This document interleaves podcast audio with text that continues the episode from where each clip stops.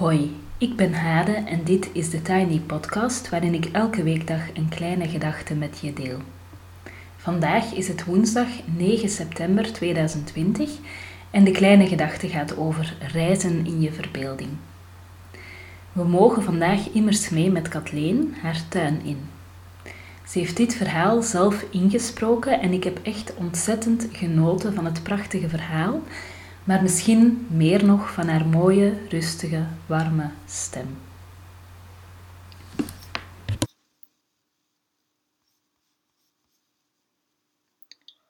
Ik neem jou vandaag mee naar een plekje in mijn tuin.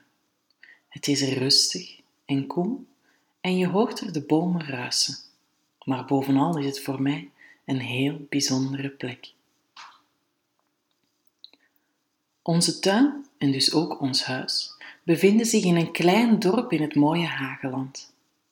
Aan de noordelijke zijde wordt het dorp begrensd door de Demer, die traag kronkelend zijn weg tussen bossen, weilanden en velden. Meer naar het zuiden toe vind je een heuvel van enkele tientallen meters hoog, waar vroeger aan wijnbouw werd gedaan. Aan de voet van deze glooiende heuvel staat een oude boerderij die dateert uit de 19e eeuw. We staan nu bij deze boerderij. De hete zomerzon brandt op ons gezicht. Uit de keurig gesnoeide struikjes in de voortuin vliegt een tiental mussen druk op wanneer we naar de voordeur lopen. Enkele van hen hebben een nest gemaakt in een spleet onder de dakrand. Elk jaar neem ik me voor om in de winter deze nesten weg te halen. Maar ach. Ik open de zware voordeur en een aangename koelte waait ons tegemoet. Ik ga niet te lang stilstaan bij het huis, want er is dat plekje in de tuin dat jullie, ik jullie graag wil laten zien. We lopen dus meteen door naar het terras. Het contrast met de koelte van het huis kan niet groter zijn. Het terras is bloedheet. Er is geen zuchtje wind en de gebakken stenen onder onze voeten lijken wel in brand te staan. De vloer is lava. We horen het zachte gebrom van talrijke bijen en hommels die zich druk doende te goed doen aan de bloemen naast het terras. Ze trekken zich van ons niets aan. Van op het terras zien we de lange tuin die zachtjes oploopt naar het dennenbos wat verderop. Enkele zwaluwen scheren speels over de tuin, op zoek naar smakelijke insecten. En wanneer we verder lopen, kraakt het gras zachtjes onder onze voeten. Het is dor en vergeeld. De ronde moestuin is omzoomd door bessenstruiken. Enkele trosjes bessen die we niet plukten, hangen er verdroogd bij. Ze vormen slechts een vage herinnering aan de sappige, zoetzure oogst van enkele weken geleden. Achter de bessenstruiken groeien weelderige courgetteplanten. Enkele uit de kluiten gewassen vruchten vragen met aandrang om geplukt te worden. Wat verderop trotseren jonge frisgroene snijbietblaadjes de hete augustuszon. Tussen de tomaten, koolrabi's en de opgeschoten venkel zorgen enkele goudsbloemen voor een vrolijke toets. Zandkleurige springkanen springen weg voor onze voeten wanneer we verder lopen. In de bloemenweide wiegen enkele korenbloemen zusterlijk tussen de gouden aren van het hoge gras. We horen wat geritsel tussen de planten en een klein, onzichtbaar diertje haast zich er vandoor. We vervolgen ons pad en lopen zachtjes bergop. Bloemetjes strijken langs onze benen. We lopen langs twee knotwilgen met elkaar verbonden door een kleurrijke hangmat. Zachtjes wiegend in, ah, dan toch een vleugje wind. De hangmat hangt er maar voor de sier. In de kruin van een van de bomen nestelde zich onlangs een zwerm hoornaard.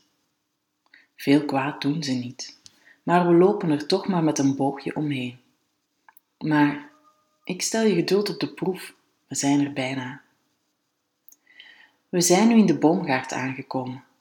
Enkele bomen laten hun bladeren hangen, zuchtend onder de hitte. De takken van de appelbomen buigen zwaar door onder het gewicht van hun vruchten. We lopen verder naar het verste hoekje van de boomgaard, in de koelte van het achterliggende dennenbos. Hier wou ik jullie naartoe brengen. We staan voor een wat slordig uitgegooide wilgwam. Er lijkt niets bijzonder aan deze plek, en toch kom ik er graag om even stilte te vinden en rust. Zes jaar geleden bouwden we deze hut met de takken van de twee wilgen waar we daarnet langs liepen.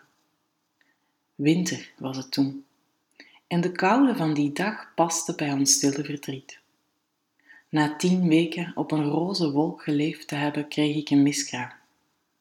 We bouwden deze wilgwam om ons verdriet een plek te geven. Intussen zijn de wilgen groot geworden en ruw uitgeschoten. En is het veel meer geworden dan de herinnering aan ons eerste kind. Het is een plek geworden waar onze twee dochters graag spelen.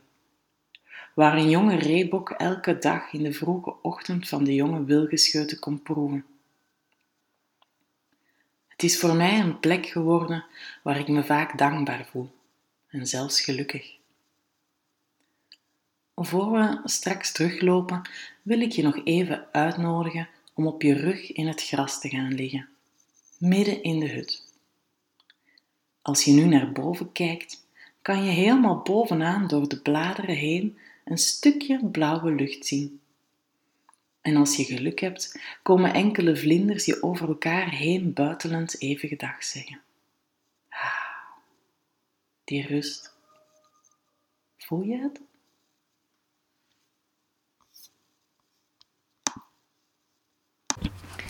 Dankjewel Kathleen.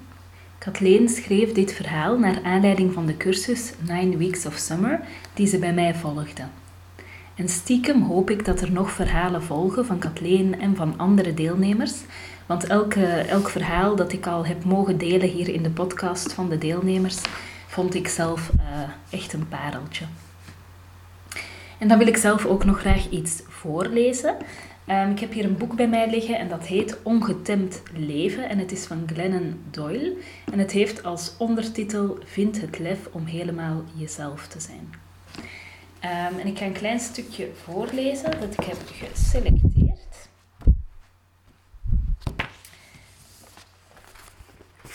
En dat als volgt luidt. Wat revolutionaire denkers zeggen en doen om de maatschappij vooruit te brengen, komt voort uit de onzichtbare, onzichtbare orde in henzelf. Wij die nooit betrokken zijn bij de, bij de opbouw van de zichtbare wereld, moeten ons voorstellingsvermogen gebruiken om verder te kunnen kijken dan de structuren die ons uitsluiten. Als wij die niet hebben, kunnen bijdragen aan de bestaande werkelijkheid, andere mogelijkheden alleen in deze werkelijkheid zoeken, zal de werkelijkheid nooit veranderen dan blijven we zoeken naar manieren om in de bestaande werkelijkheid te passen in plaats van een compleet nieuwe werkelijkheid te creëren. We bouwen niet onze eigen tafels, maar we blijven maar twijfelend vechten om een plaats aan hun tafel. Dan blijven we onze kop stoten aan een glazen plafond, terwijl we ook buiten onze eigen hemelhoge tent kunnen opzetten. Dan blijven we gekooid door de huidige wereld, terwijl we kunnen en moeten bijdragen aan een nieuwe wereld. Ik vind het, uh, ja, het is misschien moeilijk om zo te begrijpen. Uh, het is een stukje dat je misschien wel twee keer moet lezen en misschien ook wel in de context uh, moet zien. Ehm, maar het is dus een stukje uit dat boek Ongetemd Leven, waar de laatste tijd best veel rond te doen is geweest. Veel mensen zijn er heel enthousiast over. Um, en ik heb het boek het voorbije weekend um, ja, toegestuurd gekregen. Ik ging met veel verwachting ging ik lezen en ik vond het boek meteen absoluut hysterisch Amerikaans. Uh, grotesk in de beschrijvingen. Ehm, ja, dus ik zette eigenlijk al een beetje mijn eh, stekels op en toch lukte het mij heel goed om te blijven lezen. Omdat het uh, gaat om vrij korte hoofdstukjes, ook vrij concreet, goed geschreven. Um, en daardoor lukte het mij om toch door te lezen en moest ik toch na een tijdje toegeven aan mezelf dat het boek heel veel heel sterke elementen uh, bevat die potentieel levensveranderend zijn. En dat bracht mij dan weer op een idee wat ik al langer in de kast had liggen, namelijk om een soort online leesclub uh, te houden.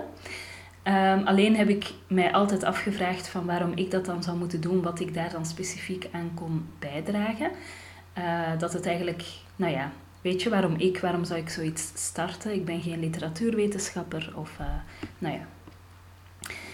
Um, en toen ontwikkelde dat idee zich eigenlijk vrij snel verder. En heb ik een selectie gemaakt van zes boeken, waarvan Ongetemd Leven of Untamed in het Engels het eerste is. En het idee is dat ik, um, nou ja, het gaat over boeken die je leven potentieel kunnen veranderen, die je heel erg als persoon kunnen raken en uitdagen. Um, en het idee achter de leesclub is dat je um, van mij drie opdrachten krijgt in een online omgeving om eigenlijk uh, waar het boek jou raakt en wat het boek met jou doet, om dat verder diepgaand te onderzoeken. En we hebben vervolgens een meeting en die over Untamed of Ongetemd Leven gaat door op maandag 21 september van 8 tot 10 s'avonds. En dan faciliteer ik het gesprek naar aanleiding van het boek, maar ook naar aanleiding van die drie opdrachten die je gedaan hebt. En die opdrachten zijn creatieve opdrachten, maar ook reflectie- en schrijfopdrachten. Um, en de bedoeling is op die manier uh, tot een diepere ja, dieper inzicht te komen en een diepere verwerking van het boek uh, en wat het boek jou wil vertellen. Um, als je graag wil meedoen aan die leesclub, dan mag je mij contacteren um, op het e-mailadres hade.theartist2.com, maar je mag mij ook een PM sturen op Instagram en je kan mijn gegevens ook nog vinden um, bij de show notes van, dit, van deze podcast. Tot zover de Tiny Podcast voor vandaag. Je kan me volgen op Instagram, TheTinyPodcast. En je helpt me door deze podcast wat sterretjes te geven op iTunes, een review achter te laten en of hem door te sturen aan iemand anders die er misschien ook graag naar luistert. Alvast dankjewel en ik wens je een ontzettend fijne dag.